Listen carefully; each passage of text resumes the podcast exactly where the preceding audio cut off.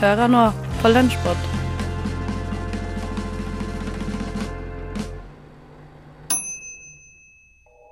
Det er jo klart for de fleste at noe, noe er galt med verdensøkonomien. Alvorlig galt. First thing I, I went into prison a young man and I got out of it a very old man. Du hører på Opplysningen 99,3 på Radio Nova. Navnet Massimo kom fra når jeg bytta det sjøl. Da bytta jeg fordi det var en italiensk fotballdommer som jeg likte, som het Massimo. Lite visste jeg da at han var korrupt og ble tatt i skandale to år seinere. Og sitter i fengsel ennå. Men eh, jeg tok til meg navnet fordi jeg syntes jeg skal høre ut som Massimo. Så trodde jeg skulle få mye jenter. Fant ut at det var homo, da gikk jo det dårlig. Men jeg har beholdt Massimo hele veien, da. For jeg syns det er kult navn. Erik Massimo Herstehagen. En mann på 35 med krøllete hår og et stort smil. Han befinner seg for øyeblikket i det slitne klubbhuset til Bærum sportsklubb, der han trener spillere mellom 13 og 19 år. Når han ikke er her, er han som regel i Den engelske kirken i Møllergata i Oslo, hvor han jobber deltid som prest. Altså, Summa summarum med alt jeg får gjort i løpet av en uke, er jo sikkert litt rar, men det, det, det har bare blitt naturlig for meg. Det har aldri vært en plan om å være breddetrener eller eh, sånne ting. Jeg har jo ikke oppvokst i et kristent hjem, men det har bare altså det har blitt til med seg godt. da. Ok, eh, Jeg bruker mye tid på fotball og kirke, og, eh, og det blir bare sånne rare elementer. da, Men jeg syns det funker for meg.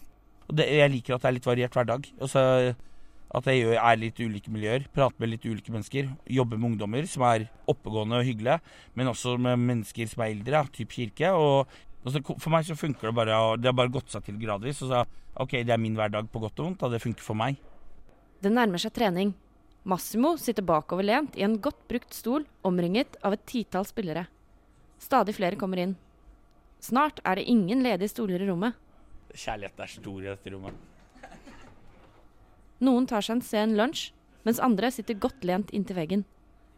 Alle med oppmerksomheten rettet mot treneren sin. Nøkkelen til å få tid til alt er heroin. Nei. Nei da. Spøk til side. Eh, være energisk, være til stede, så får du gjort mye. Og hvis du i tillegg er effektiv, planlegger hverdagen og bruker tid, eh, bruker tiden effektivt. Legger meg 02. Eh, står opp igjen i 9-10-tida. Eh, bruker noen timer på vanlig jobb, og så kommer jeg hit, og så bruker jeg x antall timer her. Treningen er i ferd med å begynne. Massimo reiser seg, og guttene følger etter. Du trenger kamptrening, gjør du ikke det? De må forte seg ut før solen forsvinner. Kadettangen i Sandvika er fremdeles en byggeplass etter sommerens festivaler, og lyskasterne fungerer ikke. Én etter én går spillerne ut på gressmatta. Nå er de klare. Treningen er i gang. Starter vi. Ikke skyt, senteret er bra. Kom i gang! Fotballen har jo alltid vært der. Du vokser jo opp med å spille fotball på Løkka. Jeg var jo alltid dårligst. Jeg ble valgt sist og litt sånn erta, og jeg var dårlig. Eh, men jeg syns alltid det har vært moro. Men jeg klarer ikke å spille noe. Men så har jeg vært dommer, da. Der er jeg god. Og som trener. Fordel! Offside, men det er fordel! Bra dommer. Massimo er opptatt av at alle skal få delta. Det er bra, svarte! Spillerne bytter roller hyppig. Ett minutt, så bytter vi keepere! Ingen får sitte på benken. Bra, Marius! God jobb! Bra, Gamaldin! Det er den jævla farta di, Torkil. Du er så rask. Spiller ball. To minutter, og så bytter vi keepere. Bra bevegelse, Klu. Og bakerste. Nei, den søkeren. Jeg kjenner jo den røveren her. Du kunne spilt på Kroatia. Gutta kaller han for lim i klubben. De ler av de rare påfunnene hans, men har stor respekt for det han gjør som trener. Massimo er en fargerik kar som vandrer rundt på klubbhuset her. Bruker mye tid. Får kanskje ikke nok lønn for strevet, men uh, han må vite at jobben han legger ned her settes stor pris på og er viktig for barn og unge i klubben. Jeg prøver å gjøre mye for de gutta jeg trener. Eh, hvis vi vant serien, det var første året vi vant serien, så skulle jeg melde meg på Robinson. Jeg trodde jo ikke jeg ble tatt ut. Jeg tenkte jo det er jo andre folk som er kulere, morsommere, sterkere, penere enn meg. Men kanskje en miks av alt at alt er jævlig, så ble jeg tatt ut. Laget vant serien, og Robinson ble det. I 2015 var Massimo student, og slik introduserte han seg for TV 2.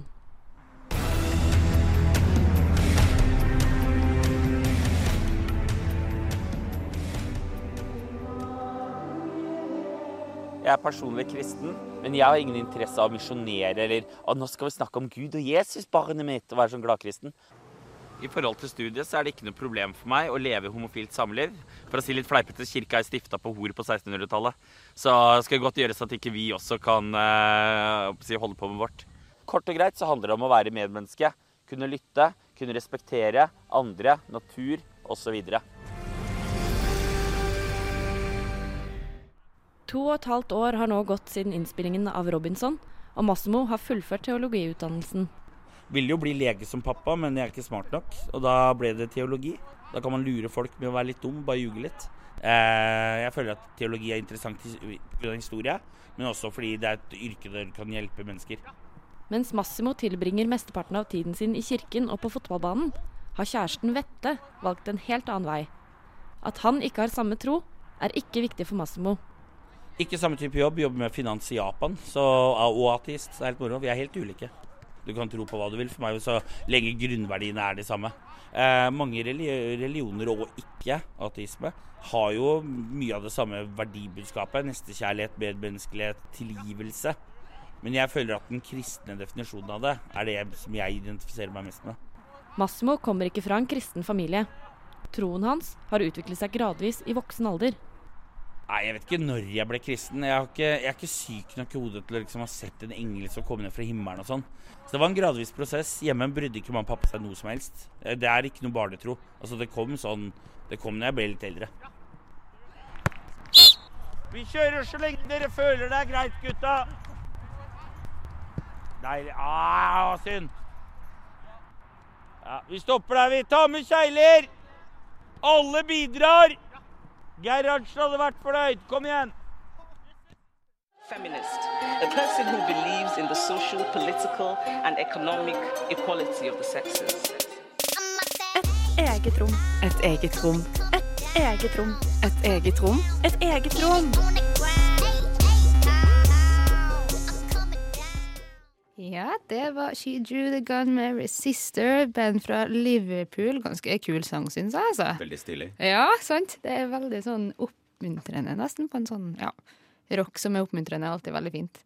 Eh, vi har fortsatt besøk av Hanne Ling Skogvang fra Fett. Og vi hørte jo akkurat en veldig fin innledning som du holdt på Slippfesten eh, til det nye bladet som er da om urfolk og feminisme. Eh, kan du fortelle litt om hvorfor dere valgte å lage et blad med det temaet?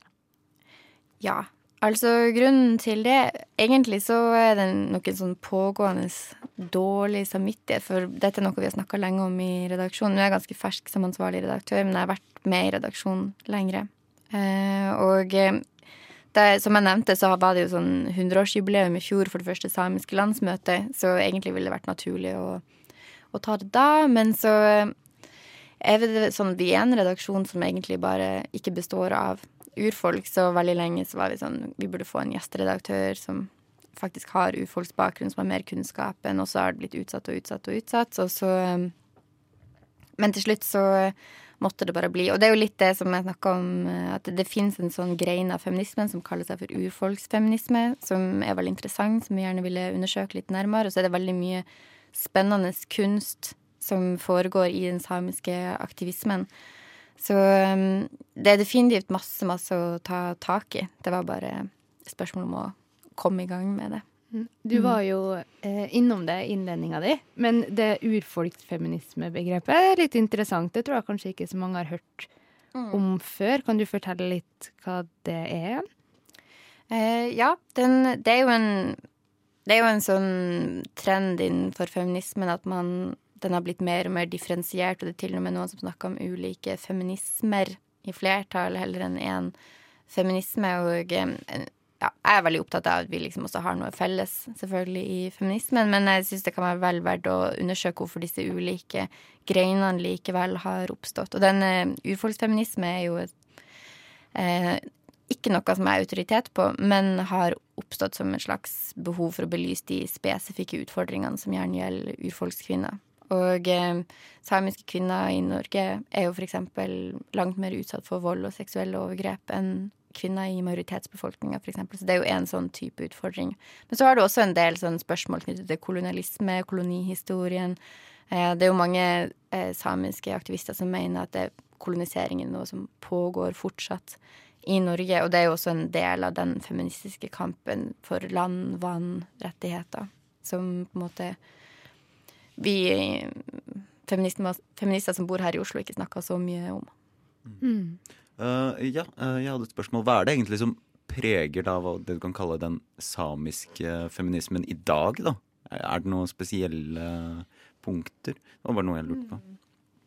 Uh, det er et godt spørsmål. Jeg tror nok det er litt det som vi Og jeg føler jeg vet ikke helt om jeg kan svare på det engang. Men jeg vet i hvert fall at to ting som har gått veldig mye igjen i arbeidet med dette nummeret, er jo dette med vold og dette med kolonisering, som vi snakker om, og rasisme mm. retta fra resten av befolkninga. Ja. Mm. jeg lurer på om når, du, når dere laga det bladet her, var det noe som var liksom spesielt, eller som var overraska deg? Mm. Jeg vet ikke om overraskelse er ordet, men det var i hvert fall en sånn stadig Jeg syns jo ofte at å være eh, offentlig feminist er et sånn konstant møte med sitt eget ubehag på mange vis. I hvert fall hvis du eh, er interessert og liksom lydhør for de ulike kampene som folk eh, kjemper. For eksempel så var det en skri samisk skribent som skrev til nummeret, og så jobba vi ganske mye med å redigere teksten, og på et eller annet tidspunkt så skrev denne skribenten at eh, her tror jeg dere leser med et litt kolonialt blikk på, eh, i redigeringa av teksten. Og det syns jeg var en sånn utrolig interessant ting å liksom få Uh, altså, Jeg vet ikke engang hvordan man responderer på det. Så møter lot... seg selv litt i døra, nesten. Ja, definitivt. Og det tenker jeg det må man eh, bare være i stand til å gjøre, da. Mm, men mm. hva legger du i kolonialt blikk her, da? Eh, nei, vet du hva, jeg skjønte det ikke helt. Så jeg vet ikke helt om, jeg, om, jeg, kan gi et godt svar på det.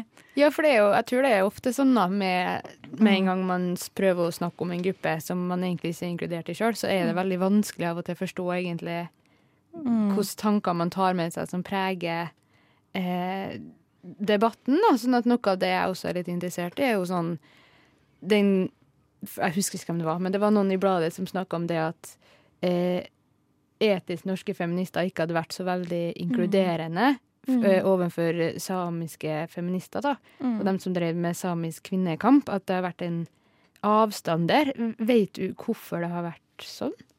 Jeg tror nok det flere årsaker. Jeg tror geografisk avstand er en sånn veldig naturlig grunn til at sånt oppstår. Og så er det også at Jeg vet ikke om jeg, jeg har lyst til å bruke ordet berøringsangst eller noe sånt, men det er jo gjerne en sånn følelse av at hvis det er en gruppe som gjerne blir mye stigmatisert, så er det også vanskelig å utenfra liksom komme inn og komme en pekefinger og si at nå må vi ta tak i den utfordringa. Eh, og så er det også det at de første feministiske samiske gruppene oppsto mot andre halvdel av 80-tallet. Så på en måte at det ble en sånn egen uttalt grein sånn som jeg har forstått det, i hvert fall kom liksom litt seinere. Og den har også tatt tak i flere ting enn den norske majoritetsfeminismen også har gjort. F.eks. dette med land og vann, som har vært en utrolig viktig del av den samiske kampen generelt. Og det er liksom Det er gjerne der det begynner, da. Mm. Mm. Men hvordan kan vi da, på en måte, vi som sitter her da, eksempel i dag, eh, hvordan kan vi støtte opp om og hjelpe den samiske kvinnekampen, selv om vi ikke er en del av den gruppa sjøl? Eh, hvert fall, Jeg intervjua ei som heter Berit Louise Utsi, som var med å starte den samiske kvinneorganisasjonen Saraka, som mm. er sånn samisk gudinne eh, innenfor tradisjonell mytologi. Og eh, hun snakka mye om dette med at man må snakke tabuer i hjel og sånn, og man må på en måte skaffe kunnskap og det. Og det tror jeg hun har mye rett i. Det handler bare om å bli mer bevisst til noen grad også. Så det er klart at eh, veldig mange samiske aktivister kjemper i sånn pågående kamper som skjer her og nå. Så jeg tror bare det å vise interesse sånn Alta-aksjonen f.eks. på 70-tallet, så var det jo masse nordmenn som reiste til Alta og deltok i protestene der. Så hvis man er veldig engasjert i samiske kamper, så tror jeg at løsninga er å vise interesse, snakke med dem det berører, og høre hva de ønsker seg. Mm. mm. Det er kanskje et spørsmål som burde ha kommet tidligere i den samtalen her, men det er jo sånn i dag at eh, samer har for det meste de formelle rettighetene på plass. Altså, de Mm. har Sametinget, det er grunnlovfesta at altså, de er anerkjent som urfolk, og derfor har de en del rettigheter knytta til det. Mm. Men likevel så opplever de jo eh, undertrykking. Mm. Har du noen tanker om hvorfor det er sånn? Altså, man skulle jo tro at hvis det papiret er vedtatt, så er det, er det bra, på en måte. Eh, Jeg tror jeg igjen bare skal referere til noen intervjuobjekter som snakka i, i bladet, i hvert fall. Og det, det er faktisk ikke med i bladet, men vi har et intervju som kommer på nett med Meret Annesara, som er hun som hadde denne utstillinga foran rein, eh, Stortinget i fjor med sånn 400 reinsdyrskaller som, eh, foran Stortinget. Og det er sånn eh, Pilo Sápmi heter det, som hun reiser rundt med. Hun sier i hvert fall Og dette tror jeg er en sånn pågående diskusjon, så igjen så bare refererer jeg til det hun har sagt, da. Men hun mener jo at ved å på en måte bruke disse institusjonene som, som Så har man på en måte outsourca makta til institusjonen som i realiteten har ganske lite makt. da. Dersom det kommer et spørsmål om skal vi ha gruveutvinning her, eller skal vi ikke, skal vi bygge disse vindmøllene midt, midt i reinsdyrdistrikta, eller ikke, så vil på en måte så vil det ikke gå i samers favør uansett. Så det at Sametinget og disse offentlige institusjonene finnes, er på en måte bare en sånn måte å legitimere overgrep på. Veldig sånn kort og enkelt, eh, forenkla sagt, da. Mm, det er veldig Så- interessant. Ja, og eh, jeg har bare så vidt skumma det intervjuet, så jeg skal passe meg veldig for å legge ord i munnen på henne også. Så det blir litt sånn eh, Ja, dere har det, så hvorfor, hva mer trenger dere? Er det, er det sånn riktig å tolke det? ja, jeg tror det. Ja. Jeg oppfatter det sånn. Mm. Eh, vi må nesten begynne å runde av eh, for den delen her, men har du noen siste tanker? Oh. Em, jeg tror igjen dette med synlighet i hvert fall er et sånn gjennomgående tema. Det er liksom Jeg, jeg syns det er også vanskelig å liksom Feminister er på en måte sånn, Norske offentlige feminister, feminister og feministorganisasjoner er gjerne underfinansiert, de har kjempelite penger, det er utrolig mye frivillig arbeid, så jeg syns også det er vanskelig å liksom kreve at man skal gå rundt og interessere seg for absolutt alt mulig hele tida. Men jeg tror at eh, jeg tror at dette er et tema som det er vel verdt å utforske nærmere, i hvert fall. Jeg syns at uh, vi burde jobbe mer aktivt med det. Jeg har i hvert fall ikke tenkt å legge dette fra meg og bak meg nå eh, når jeg går videre med fett framover. Mm. Uh, Hanne Ling Skogvang, tusen takk for at du kunne komme på besøk til oss i dag. Nova. Radio Nova.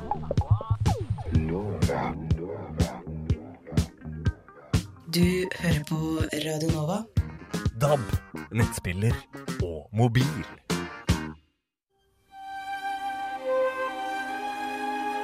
Skal det være en smaksprøve?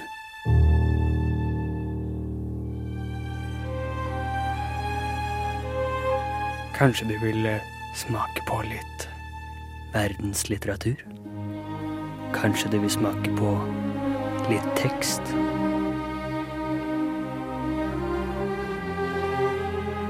Tekstbehandlingsprogrammets smaksprøve.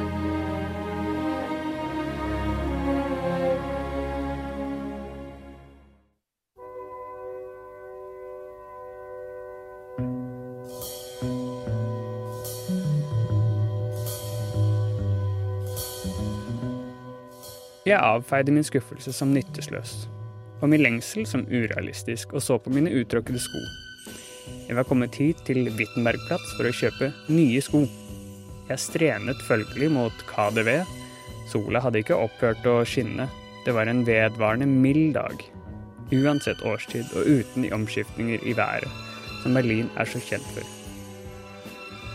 Jeg gikk inn på KDV gjennom inngangsøra på Tauentzinerstrasse. da kommer en mann inn i en stor, praktfull hall, hvor det glitrer i lysekroner og blinker i store sølvfat. I enden av denne enorme hallen er det en bred, majestetisk rulletrapp. Mot denne gikk jeg. Jeg stilte meg i trengselen av mennesker og lot meg frakte via disse rulletrappene opp gjennom andre etasje, like til den kontinentale sjuende etasje, norske åttende etasje.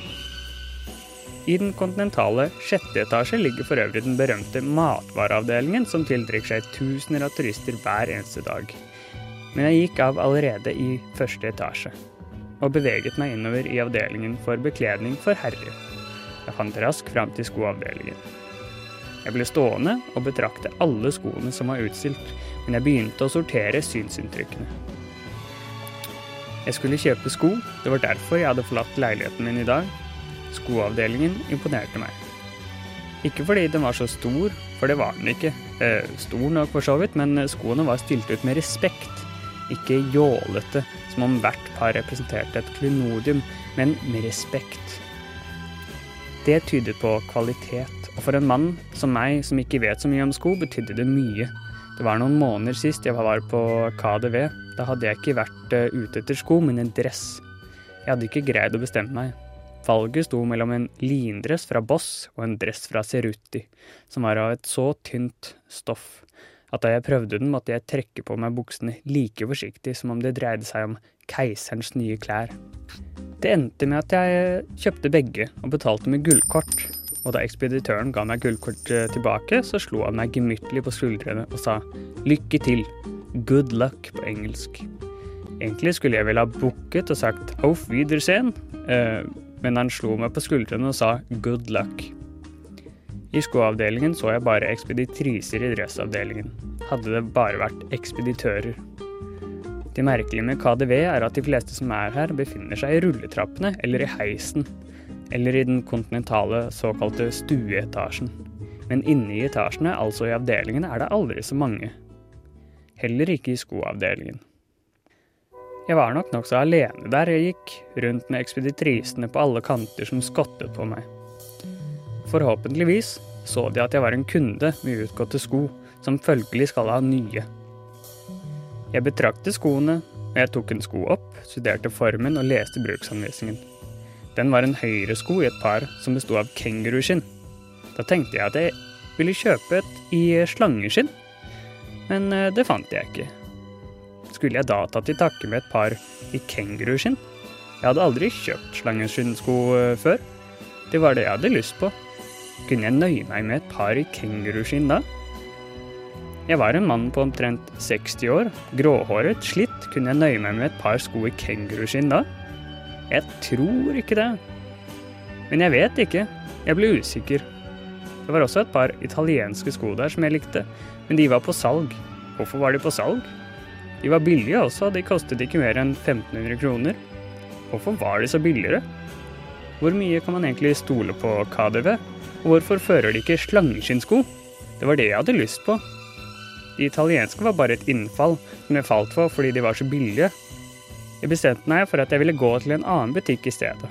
Hvorfor ikke dra på Lafayette, berlinerfilialen av det parisiske varehus, som holdt til i en splitter nyoppført eh, bygning i Friedrichstrasse i Mitte.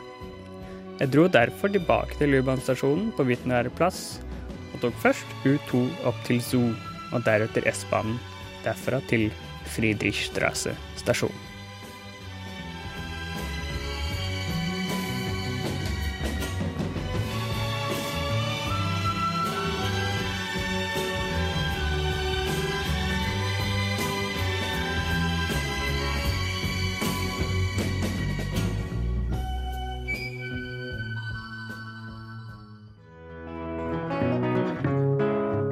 Tekstbehandlingsprogrammet kan du høre hver onsdag mellom 10 og 11 på Radionova. FM 99,3. Kroppsleiven, du er på luften, Kroppsleiven. Vær så god. Du er på luften. Ja, takk. Du hører på frokost på Radio Nova. Om eh, en drøy måned så kommer det en ny Harry Potter-film. Eh, den heter eh, Fantastic Beasts Jeg pleier alltid å si Beats. Fantastic Beasts The Crimes of Grendelwald. den er basert på en liten sånn heftet bok som het Fantastic Beasts and Where to Find Them. Som var en slags sånn hva skal man kalle det? En slags sånn addition til Harry Potter-serien. Det var en veldig tynn bok.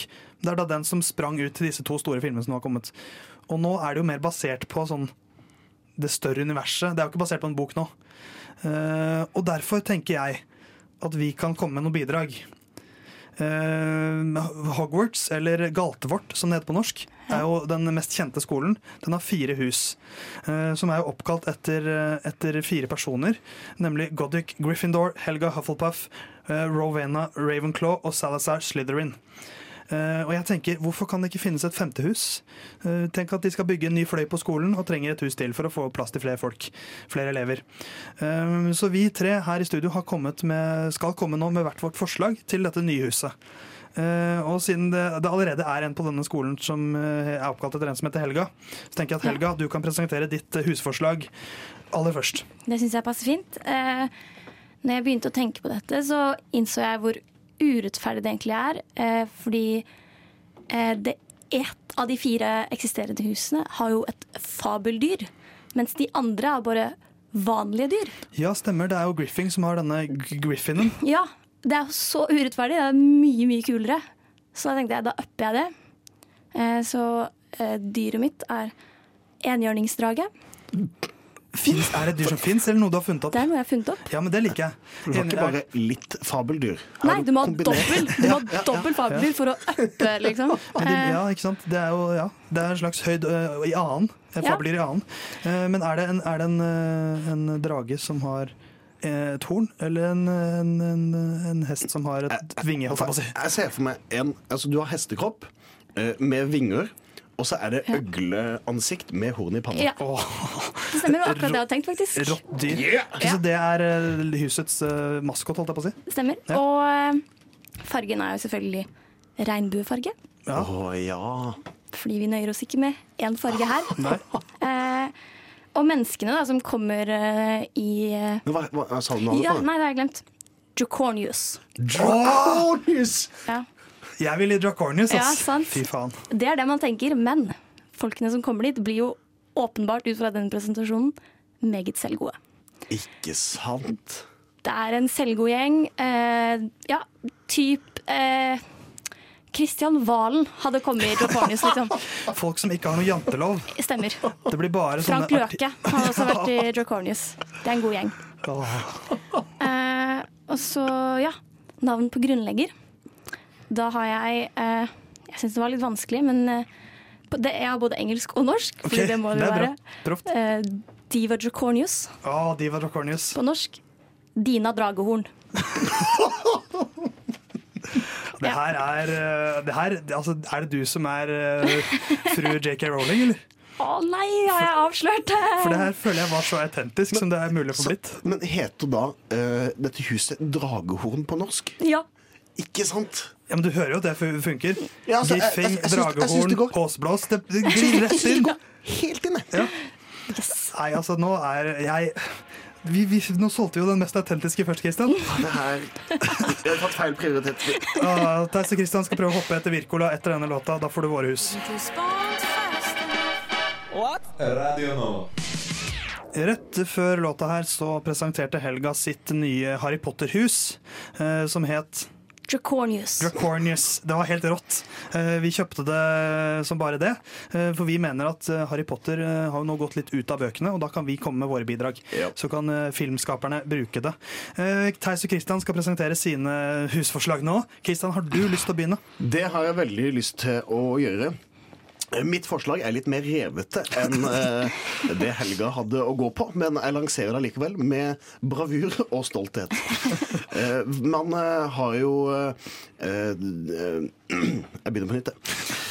Man har jo dette huset Slithering, eh, og det har jeg latt meg inspirere litt av ordlyden på, ikke partiet, men til huset.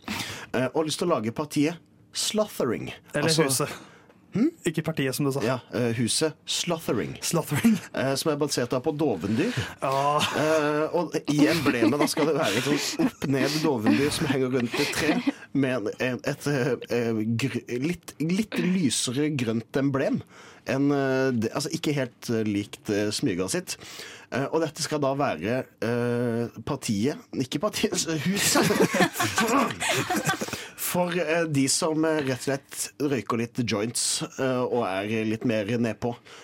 Grunnleggeren av partiet er han, han er norsk.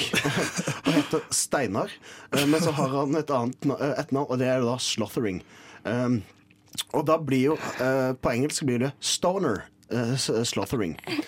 Så da får man liksom et parti for de som er litt mer sånn slekke og tar livet litt med ro, og egentlig kommer ut med skikkelig dårlige karakterer. Eh, og mens Torstein Bygge Høverstad, som også skal oversette denne boka, så han har oversett alle de andre Harry Potter-bøkene, han har ikke funnet noe godt navn på Slothering på norsk. Så derfor blir det blir stående som Slothering enn så lenge, til Ja, okay. i påvente av eh, nytt eh, navn. Eh, vet du hva, Kristian? Jeg har nesten nøyaktig samme idé. Wow. Uh, for det, det var ditt hus. mitt Skal jeg presentere mitt? Jeg har nesten, jeg har nesten helt nøyaktig. Det er noen små forskjeller. Mitt eh, hus heter House Stone. Uh, hus Stein på norsk. Uh, grunnleggeren er Emma Stone. Uh, for, jeg, for jeg har sett henne røyke på film. I hvert fall én gang. Um, eh, husets dyr er flodsvinet, eller capybara, for det er det mest chill det er det mest avslappede dyret jeg vet om. Hvis du søker på Capybara Friends, så vil du se at Capybara er bare så chill dyr. Det stresser aldri, det er bakoverlent, det bare er venn med alle. Det er bare liksom eh, hva det går i mann, liksom. Eh, så Capybara er eh, er det dyret. Det er litt sånn potthuaktige folk som kommer inn i dette huset. Men jeg ser også for meg at det kan være en, mer en slags spesialklasse. For jeg føler at alle kidsa på Galtvort er smarte. Og hvor alle idiotene i Ja. trollmannverdenen Det finnes så mange idioter her, garantert. Og de tenker jeg at de må ha et sted å være de også, sånn at de kan få kontroll på sine krefter. Eh, Så de skal da inn i House Stone. Eh, Så jeg ser- for meg at det er litt sånn brunt tema. Eh, Fordi at jeg ser for meg at hasjfolk ofte liker brunt. Og litt sånn brunt og jordfargete preg. Uh, liksom være Deres tilholdssted på skolen er veldig lavt ned mot bakken, for de liker å holde seg der. Eh, og de har egentlig mye til felles med, med flodsvin, sånn måten de oppfører seg på. Jeg kan lese fra Wikipedia-artikkelen til flodsvin. Flodsvin hviler om morgenen, er i vannet ved middagsheten, uh, beiter vannplanter, knopper og mye trebark om uh, kvelden. Hviler igjen rundt midnatt og begynner å beite igjen mot daggry. Så det er akkurat sånn eh, potthuene i House Stone lever. De eh, tar det bare chill. De er venn med alle på skolen. De er, ikke sånn som smyg, de er til og med venn med smygardfolka. Eh, så de er bare liksom sånn snille idioter. Uh, drivhuset. Bor i drivhuset, der, der dyrker de mye ulovlig, for å si det sånn. Jeg sånn. Jeg tror eh, vi kan slå sammen våre hus, Theis. Ja. eller det blir sånn grupperinger innad.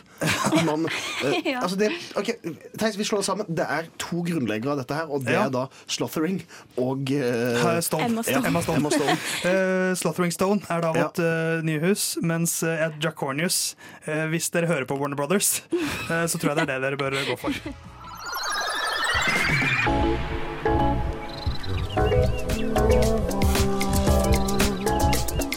Radio Nova.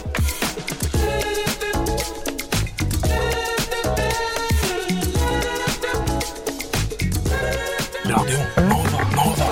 24 timer i døgnet, syv dager i uka. DAB, nettspiller og mobil. Høsten eh, 2016 kom sjokkbeskjeden. Norske psykologistudenter i Ungarn vil eh, ikke være kvalifisert til å jobbe i Norge. Og nå skal du få høre fra en av studentene. Velkommen til deg, eh, Mats eh, Lindkjø eh, unnskyld, eh, Lindkjølen. Tusen takk. tusen takk. Eh, altså, hvordan, hva var det dere fikk beskjeden? Eh, Hva Så- var det dere fikk beskjed om? Ok, I 2016 så var det da eh, Hvor mange studenter? En eh, del studenter som hadde da begynt på praksis og jobber på lisens. Så ordningen er sånn at eh, når du er eh, ferdig utdannet i Ungarn, og dette gjelder også da for så vidt Danmark og de som studerer der, at man jobber da på lisens i ett til to år. Det var ett år for de som hadde studert i, eller hadde vært da, ordningen. I Budapest var det ett år på lisens, og så avhengig av hva veilederen, for da er man veileder, jobber på en helseinstitusjon. da. Og så avhengig av veilederen blir man godkjent eller ikke, og da er man en autorisert psykolog. I Danmark er det to år. Eh, det som skjedde i 2016, var at de som jobbet på lisens, eh, måtte avslutte den perioden. Og mange av de var på vei til å bli ferdig, hadde jobbet et år på lisens og var Veilederen hadde sagt at de var godkjent, men så ble det helt avbrutt. Og de som da søkte, som var da ferdig den sommeren, fikk ikke begynne på lisensen sin. Det, jeg gikk da siste året på masteren, altså fjerde året på løpet. eh, og det blei møtt ved veldig mye ja, turbulens, og folk ble ganske nervøse. Det var det jeg lurte på. Hvordan var liksom eh, forløpet til at dere fikk beskjeden? Ble dere ledet inn i et rom, eller fikk dere bare en mail? Eller, og hvordan var reaksjonene rett etterpå? Kan du liksom male et lite bilde for oss? Ja. da? For det er jo ganske ekstremt det som skjedde her. Så det var ikke noen forløper om det her. Det hadde vært godkjent i 13 år, og vi fikk ikke noe beskjed på forhånd. Plutselig bare fikk vi beskjed av tid, de studentene som var kullet over oss, at de fikk avslag på lisensene sine. Og det var det eneste. Så det ble en sånn eh, uvisshet. Vi ante ikke hva som skjer. Og folk ble veldig eh, nysgjerrige om å vite mer. Og, og så var det veldig lite informasjon vi fikk fra Helsedirektoratet på det tidspunktet. Så det var Eller det har vært lite gjennom hele de to årene, men eh, det var eh, utrolig skremmende å se at det bare ut fra det blå, da, så ble det Så dere fikk eh, liksom ikke noe offisiell eh, melding? Fikk ikke noe offisiell beskjed. Vi fikk ikke Så eh, en stund etterpå så kom eh, Norges Psykologforbund, tror jeg, og ga litt mer informasjon om hvor, hvordan vi burde gå frem videre. Men det var lenge etterpå. Eh, så det har vært lite informasjon å få. Ja, var det Hva, hva er liksom grunnen fra myndighetene i Norge om at dere ikke er kvalifisert til å jobbe i Norge?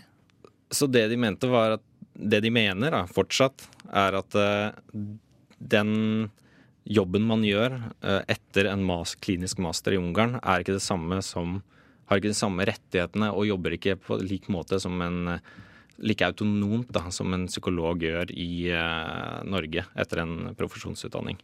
Og derav mener de at det ikke er eh, tilstrekkelig da, utdanning for å kunne bli autorisert. Men uh, du sa jo tidligere at uh, denne ordningen har eksistert i 13 år. Ja. Hva er det som har endret seg nå? De fikk da noe informasjon om, som de ikke hadde visst tidligere, om at de ikke hadde de samme rettighetene. På det tidspunktet så fikk de da uh, denne informasjonen. Året før så hadde jo Universitetet i Oslo ansett det som det samme. Så det er veldig merkelig det som har skjedd også. Mm. Fordi det har vært eh, Det var ikke noe det, Hvem er det de fikk informasjon fra? Var det myndighetene i Ungarn? Det vet vi jo ikke. Ja, for det, sånn bare et oppklaringsspørsmål. Mm. Når du studerte Ungarn, du fikk altså støtte fra Lånekassen, eller? Ja. Hm. Men eh, Sten, hva gjorde du og dine medstudenter når du fikk denne beskjeden om at eh, de ikke kunne jobbe i Norge? Eh, veldig forskjellige reaksjoner. Eh, så vidt jeg husker, så var det ingen i mitt kull som sluttet da. Vi eh, samlet oss eh, sammen og hadde samtaler og dannet gruppe på Facebook med liksom alle studentene som hadde gått før og etter. Og så brukte ganske lang tid på å tenke hvordan vi skulle takle det her. Mange jeg var jo håpefull og tenkte at det her ordner seg, og fortsatte å studere. Og så var det noen ivrige sjeler som eh, startet et søksmål mot eh, staten. Så det er fortsatt i gang. Mm. Eller Helsedirektoratet, da, spesifikt. Ja, for har, dere fått et, har dere fått et alternativt tilbud for å, for å gjøre det mulig å fullføre utdanningen, slik at dere kan jobbe i Norge nå? Ja, så det er en eh, Så i det, det er i gang nå. Så de som da jobbet på lisens og var ferdig på lisens, de fikk da ekstra kursing nå i sommer. Og de eh, Så på bestilling egentlig av Helsedepartementet og Bent Høie, så ville at de som hadde begynt på masterløpet i det endringene skjedde i 2016 Og du er en av de, ikke sant? Mm. så vil de få ekstra eh, kursing til eh, den nette sum av 244 millioner skattepenger. Ekstra kursing og lisens, og så blir autorisert også. Men de som er der nå og studerer, de er fortsatt veldig usikre om eh, kommer til å bli autorisert. Og de hadde da startet på denne, dette utdanningsløpet før denne beskjeden hadde kommet? Ja, men de var på bachelornivå. Ja, ja. Mm. Så de gikk inn da i denne eh, utdanningen i god tro av at eh, det skulle godkjennes i Norge også? Ja. Og de er der fortsatt, eller er det mange som har sluttet? Det er nok det? Jeg vet ikke noen tallene Nei. spesifikt, men jeg vet at det er en eh, Det var en veldig økning fra 2015 og 2016 og 20, Eller det begynte vel kanskje i 2014, da. Mm. Og så i påløpende to-tre årene så var det en uh, veldig økning i antall studenter der nede. Og nå er det trappet ned igjen. da. Ja, så mens du studerte der, var det, var, var det noe hint fra myndighetene eller fra Norge om at eh, du kanskje ikke fikk jobb jobbe i Norge etter, etter utdanningen? Eh, etter at de, de Nei, mens ikke du, hadde mens du studerte der? Ja, fordi, fordi jeg gikk, studerte der jo når beskjeden hadde kommet, Mm. og da var de veldig klare på at det er ikke sikkert dere kan bli autorisert. De, Helsedirektoratet var veldig klar på den beskjeden. Mm. Men eh, det var jo ikke noen grunn for oss å, å slutte å begynne et annet sted på et langt løp igjen. Vi hadde jo på en måte, Det er jo fortsatt en master, så du har jo fortsatt noe jobbemuligheter. Men ikke det i hvert fall jeg hadde tenkt da, som å jobbe i, i helsesektoren som kliniker. Mm. Så jeg fortsatte i god tro om at det skulle ordne seg. Og det har du jo nå for de som hadde um, begynt på masterløpet. De endringene skjedde. Hva- hvordan blir veien videre for deg nå? Eh, Får du lov til å jobbe som psykolog? Ja, så det kullet over meg, så uh, fikk de utdelt uh, praksisplasser nå nylig. Uh, og det var eh, et par plasser igjen, så de som hadde søkt jo tidligere hadde søkt i mitt kull, de fikk også plasser var tre igjen. Og så da, og neste år så vil det da være disse praksisplassene som Helsedirektoratet har funnet fram, og de har spurt rundt på forskjellige helseforetak. Og de praksisplassene de delegerer oss, da. Så bare må vi søke. Det blir neste år for mitt kull, da. Ja, for hva, hva gjør du nå? Studerer du, jobber du på siden, eller venter du rett og slett? Ja, altså jeg, jeg har eh, jobbet på to eh, helseforetak, eh, mentale institusjoner, eh, hele tiden, egentlig. Mm. Eh, men jeg vet at det er noen som ikke har jobbet og tar det her mye på en måte tyngre, eller merker det mye tyngre enn meg, da. For jeg har, jobber jo på Dikemark og har en jobb som er relatert til det jeg skal bli. Så det, for meg så er det fint. eh, Men jeg gleder meg til å begynne på det og fullføre det løpet jeg Ikke begynt på. Mm. Vil, vil du, som det på stampen her, eh, vil, vil, du, eller vil, du råde, eller vil du gi råd til folk som har lyst til å studere psykologi? Bør de studere i Ungarn? Eh, på det tidspunktet nå så ville jeg, ingen, ville jeg ikke rådet noen det, for det er veldig usikkert. Men eh, EFTA, eh, European eh, eh, En fin forkortelse, i hvert fall.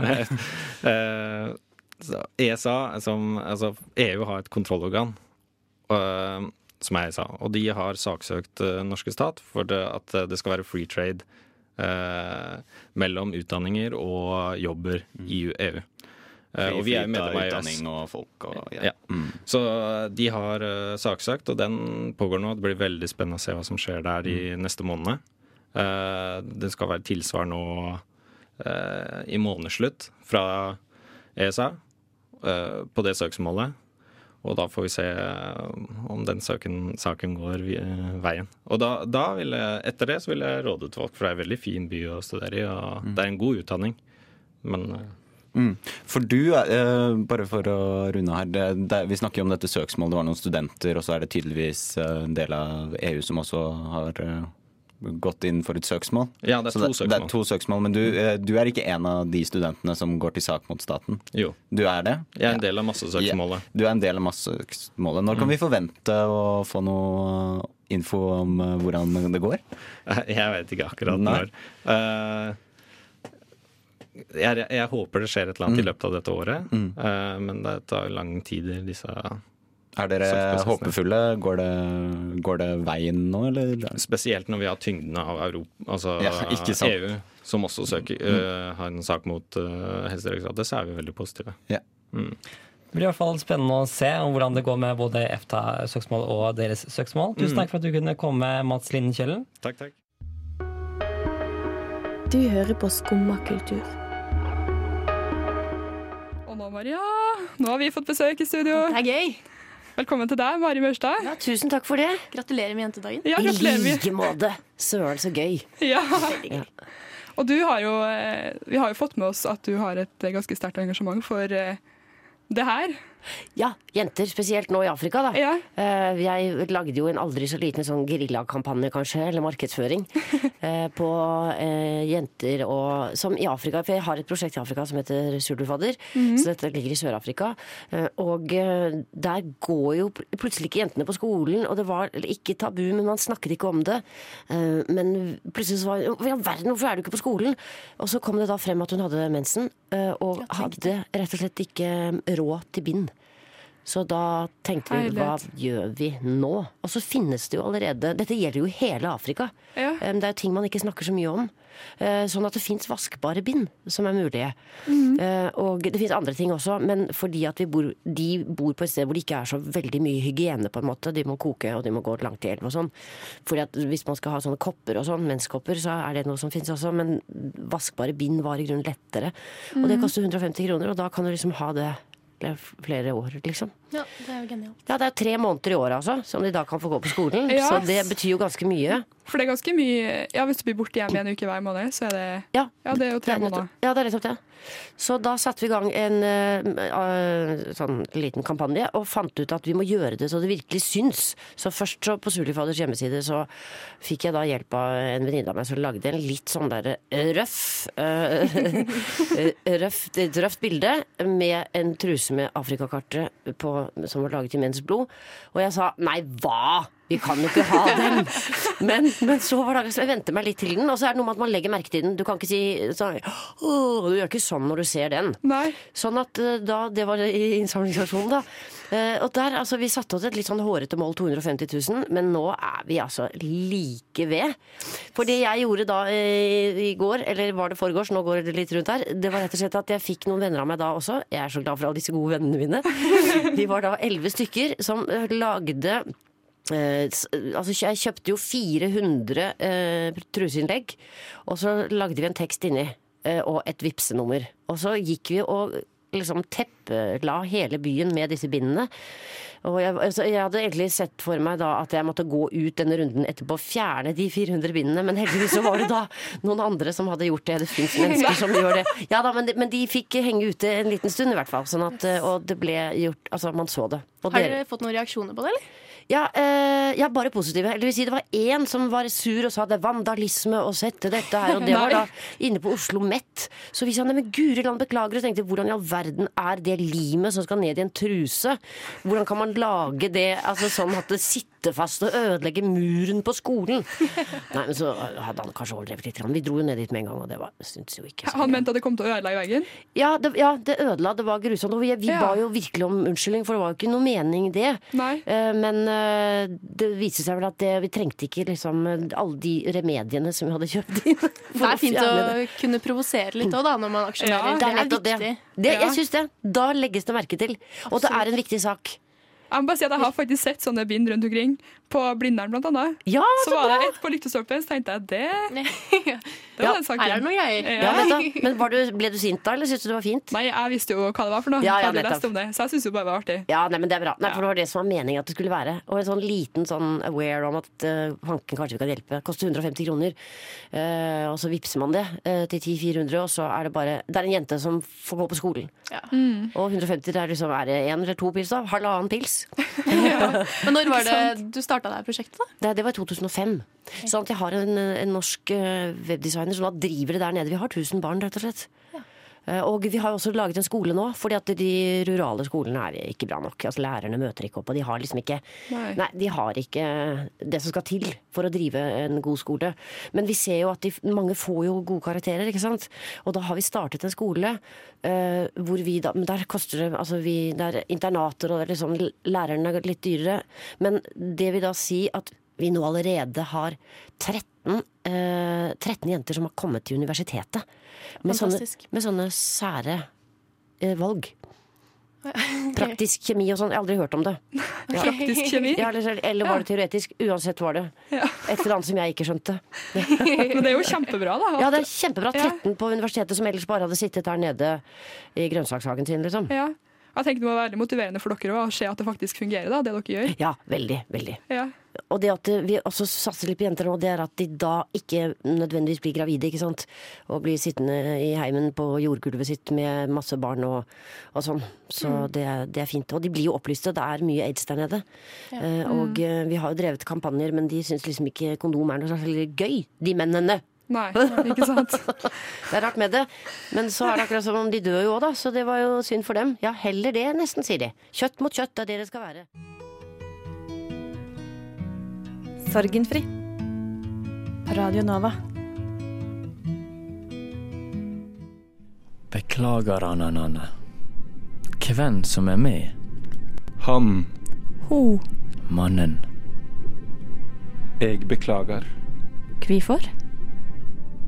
Fordi jeg beklager.